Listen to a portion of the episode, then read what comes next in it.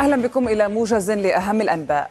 قال مجلس السيادة السوداني إن رئيسه عبد الفتاح البرهان توجه اليوم إلى مصر للقاء الرئيس السيسي وبحث التطورات بالسودان والعلاقات الثنائية. وكان البرهان تفقد أمس قاعدة فلامينغو على ساحل البحر الأحمر شمالية مدينة بورت سودان. وأوضح أن خروجه من الخرطوم تم بترتيبات من الجيش وليس بموجب أي صفقة وأكد رفضه الاتفاق مع من وصفهم بالمتمردين من جهته قال مالك عقار نائب البرهان إن رؤساء دول وحكومات أبدوا تفهمهم ودعمهم للشرعية في السودان في لقاءاته بهم خلال جولته الخارجية. وأضاف أن رؤساء دول وحكومات أكدوا أنهم لن يتعاملوا مع شؤون السودان إلا عبر الحكومة السودانية. قال الرئيس الفرنسي إيمانويل ماكرون إن سفير بلاده لدى النيجر سيظل في نيامي رغم ضغوط قادة الانقلاب. وأضاف أنه سمع من واشنطن وعواصم أوروبية أصواتا تدعو لعدم المبالغة في التعامل مع الوضع في النيجر.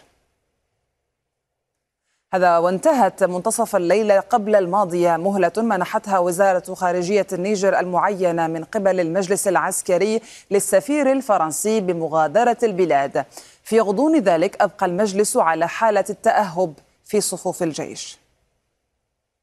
رحبت وزارة الخارجية الفلسطينية بزيارة رئيس الحكومة الليبية عبد الحميد دبيبة لسفارة دولة فلسطين في طرابلس. وقالت إن دبيبة أعلن رفض بلاده التطبيع مع إسرائيل وتجريم أي اتصال يجمع أي مسؤولين ليبيين مع ممثلي دولة الاحتلال الإسرائيلي.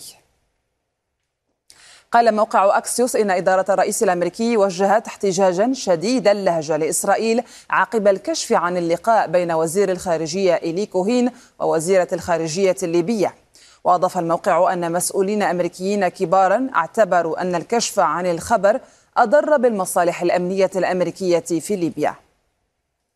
هذا وقالت المتحدثة باسم المجلس الرئاسي الليبي إنه لم يصدر أي قرار حتى الآن بإقالة وزيرة الخارجية.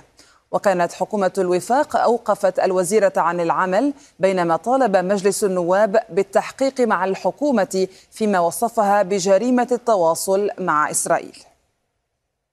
قالت وزارة الدفاع الروسية إن سلاح الجو حرك أمس الاثنين طائرتين مقاتلتين لمنع طائرتين مسيرتين أمريكيتين من انتهاك الحدود الروسية فوق البحر الأسود.